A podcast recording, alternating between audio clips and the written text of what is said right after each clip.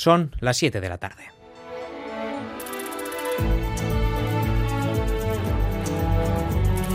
Gambara con John Fernández Muro.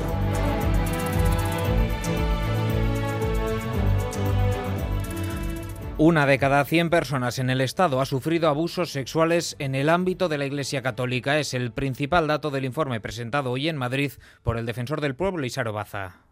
Y si extrapolamos ese dato, estaríamos hablando de más de 440.000 personas a nivel estatal. Así lo recoge una encuesta que figura en el informe. El defensor del pueblo ha recogido el testimonio de cerca de 500 personas, 84 de ellas en Ego Euskal Herria. El informe ha puesto sobre la mesa la necesidad de dar una respuesta al sufrimiento y soledad que han sufrido las víctimas durante años. Por ello, se propone un acto de reconocimiento y un fondo de compensación. Ángel Gabilondo. Se subraya que no es cierto que todos lo sabían, pero es asimismo cierto que no es verdad que nadie lo sabía. Lo que ha sucedido ha sido posible por ese silencio, el de quienes pudieron hacer más. Desde el Gobierno muestran su disposición a adoptar más medidas.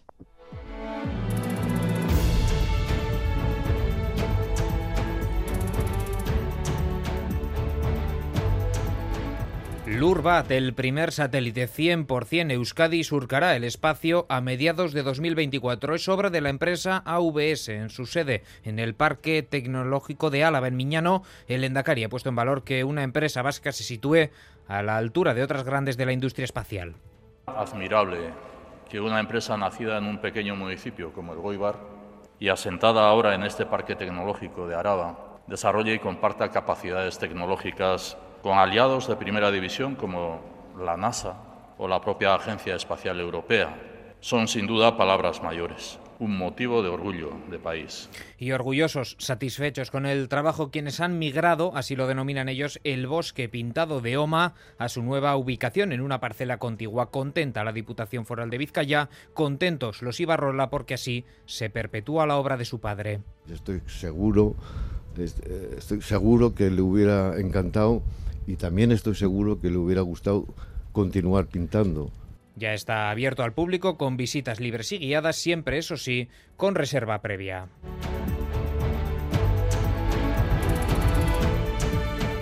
Y 36 migrantes que han alcanzado las costas canarias en el último mes y medio están ya en Euskadi y han sido acogidos en Vitoria-Gasteiz. Denis Ichaso, delegado del Gobierno. Se entra dentro de un programa de reparto que ha sido elaborado por el Gobierno de España y que es puntual, que es ordenado y que es seguro. Que son necesarias ante el aumento del flujo migratorio el director de Asilo e Inmigración del Gobierno Vasco, por su parte, Xavier Legarreta, subrayaba la importancia de la coordinación, una coordinación que está funcionando.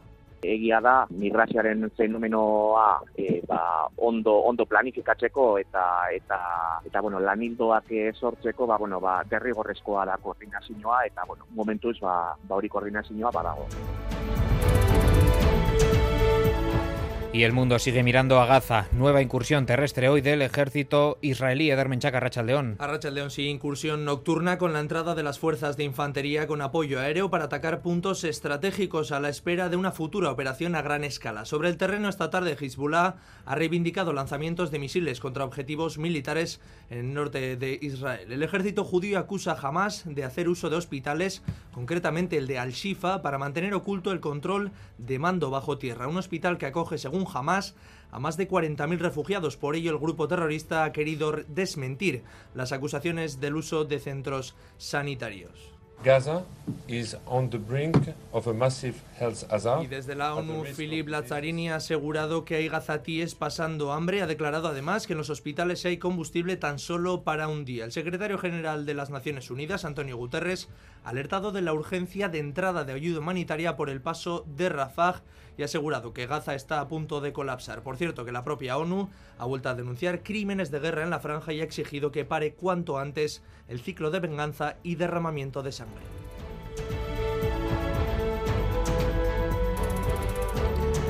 Tiempo para la actualidad deportiva. Edu García Rachaldeón. ¿Qué tal, Rachaldeón? Con dos citas destacadas para esta tarde de viernes. Por un lado, una con el fútbol en Ipurúa, decimotercera jornada de Liga en Segunda División, que va a comenzar a las 9 con el partido entre Ibar y Valladolid. Dos equipos que van a pelear, seguro, durante el curso por ascender a Primera División. Llegan además empatados a puntos, a 22 eh, en, puestos de promoción y con muy buena racha en ambos casos. Veremos cómo se maneja el equipo de Joseba Echeverría. Y antes, a las 8 y cuarto, cita con la Euroliga de baloncesto. La quinta jornada en Atenas para Basconia ante Panathinaikos un partido marcado por la situación eh, de Joan Peñarroya, a quien eh, prácticamente se da por hecho eh, no va a continuar en el conjunto vasconista más allá de este partido y probablemente el del próximo domingo en Liga CB ante la Andorra. En todo caso, hay que intentar sumar la victoria después de las derrotas encajadas en el Valle de Antezalguiris, pero el equipo está muy tocado, sin Rocabópulo, sin Dani Díez, sin Diop y veremos si con Chima Moneque, que está tocado y que todavía es duda, pueda jugar hoy ante Panathinaikos. No va a ser una empresa, una empresa sencilla. En cuanto al tráfico, destacamos el susto por el desprendimiento de la tela del techo del túnel de la Nacional 1 en Icasteguieta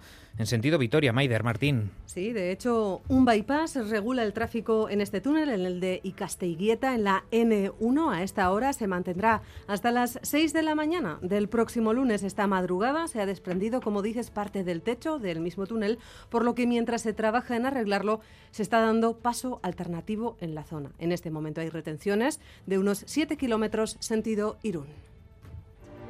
Sueñas altos el poder que te han dado desde el cielo. No, no, no, no, no. Que no sé a dónde voy, no es real. Hace ya tiempo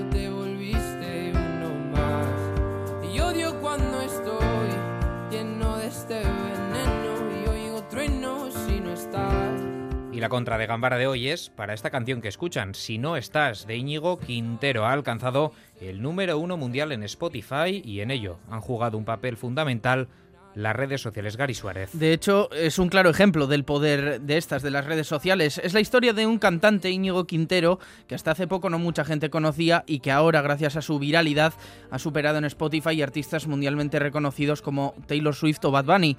La historia de una canción que se creó en septiembre de 2022, el año pasado, pero que ha explotado este último mes gracias a su uso particularmente en TikTok. Algunos datos, que diariamente el tema se versiona unas 30.000 veces en esta red social, en TikTok, y que se ha utilizado en más de 600.000 vídeos, pero la cúspide la alcanzó hace tres días, cuando la canción Si no estás, la que estamos escuchando, se colocó en el número uno mundial de la lista Top 50 Global de Spotify.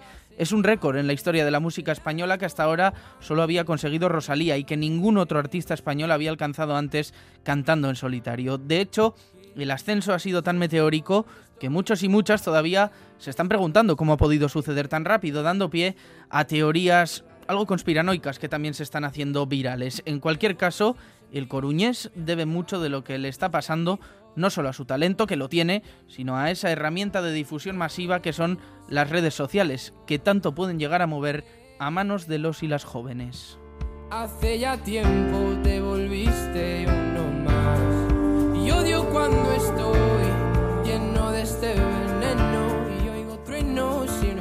Hoy a partir de las 8 hablamos aquí en Gambara de las redes sociales, de su poder e influencia en nuestras vidas, de cómo las usamos y de cómo deberíamos usarlas. Esto es una obsesión. No me sirven tus pocas señales, de nada es como antes. Con Miguel Ortiz y Alberto Zubeldia en el control técnico y Cristina Vázquez en la producción, comenzamos.